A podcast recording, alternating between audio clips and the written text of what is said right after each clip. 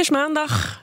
Ja, en ook eh, beleggers die eh, gaan door, ondanks de bloedrode beurzen, toch, Rob Jansen? Ja, die gaan zeker door. Ja. Eh, het idee is, rente is laag, ga beleggen, hè? Ja, Is dit nou het bewijs om het toch niet te doen? Eh, nee, dat denk ik niet. Maar het is, eh, doet je wel realiseren dat eh, de risico's eh, niet eh, gering zijn. Ehm nou moet ik zeggen, deze situatie doet zich maar zelden voor. Maar ja, hij is er wel.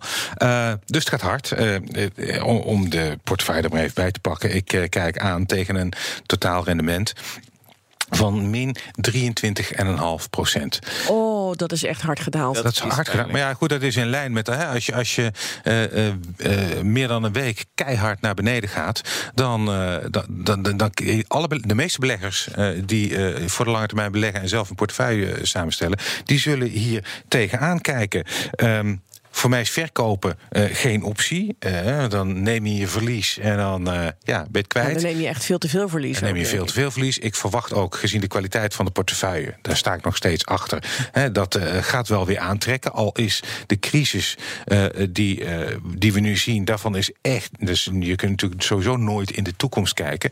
Maar ja, op dit moment is er gewoon nog heel veel paniek in de markt. Alles wat met het coronavirus te maken heeft en een grote impact heeft. Ja, dat. ehm. En dat is alles. Ik bedoel, alles heeft uiteindelijk te maken met dat coronavirus, zo Ja. zie je in de markt, toch? Ja, inderdaad. Eh, en, en het is een open zenuw voorlopig. Mhm. En dat gaat zeker een keer eh, stabiliseren. En dan gaat dus ook eh, mijn portefeuille weer herstellen.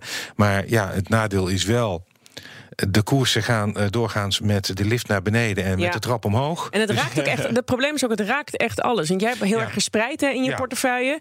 Ja. Maar maakt helemaal niet uit. Nee, bij- als het echt een, eh, eh, een sell-off is, zoals dat dan in goed Nederlands heet, als iedereen naar de uitgang wil. Overigens, tegen al die verkooporders staan natuurlijk ook gewoon kopers. Er zijn ook mensen die nu voor een relatief lage prijs eh, eh, Ja. aandelen Ja, inslaan. want ik denk dan vooral, ehm, moet je, hoe moet je nu kopen om hiervan te profiteren? Nou, ik heb begrepen dat eh, bij jou, Roos, een tip is binnengekomen van een luisteraar die zegt: Ik heb eh, flink wat aandelen vandaag eh, ingekocht. En gaf ook een tip mee voor Jansen Belegd. Ehm, ik zelf wacht liever even tot het is uitgeraasd. Eh stockpicking is, hè, hebben in de, gezien in de, samen, het samenstellen van die portefeuille, dat heb ik stapsgewijs gedaan. Daar is goed over nagedacht. Die laat ik intact. Ehm, om nu meteen te gaan pikken. Ik heb wel vorige week, heb ik hier ook verteld, eh, extra Shell ingekocht. Maar mijn god zegt, die olieprijs, eh, die blijft dalen. Ja, Ja. het is maar gewoon... jij belegt op de lange termijn. Ja, dus het is, dat is waar, Maar is dan is juist daarom voor jou niet verstandig om ze nu gewoon te Ja, kopen nu nu ze laag zijn? Jawel, jawel, jawel. Maar ik, ik, ik, eh, ik, ik zie liever even stabilisering... dan dat ik nog twee weken... stel dat er de komende twee weken nog 20% vanaf gaat.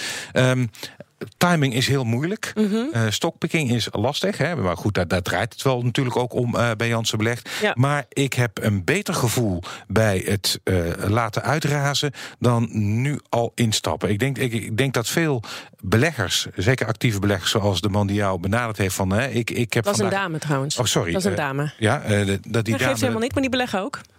Beter dan mannen zelfs.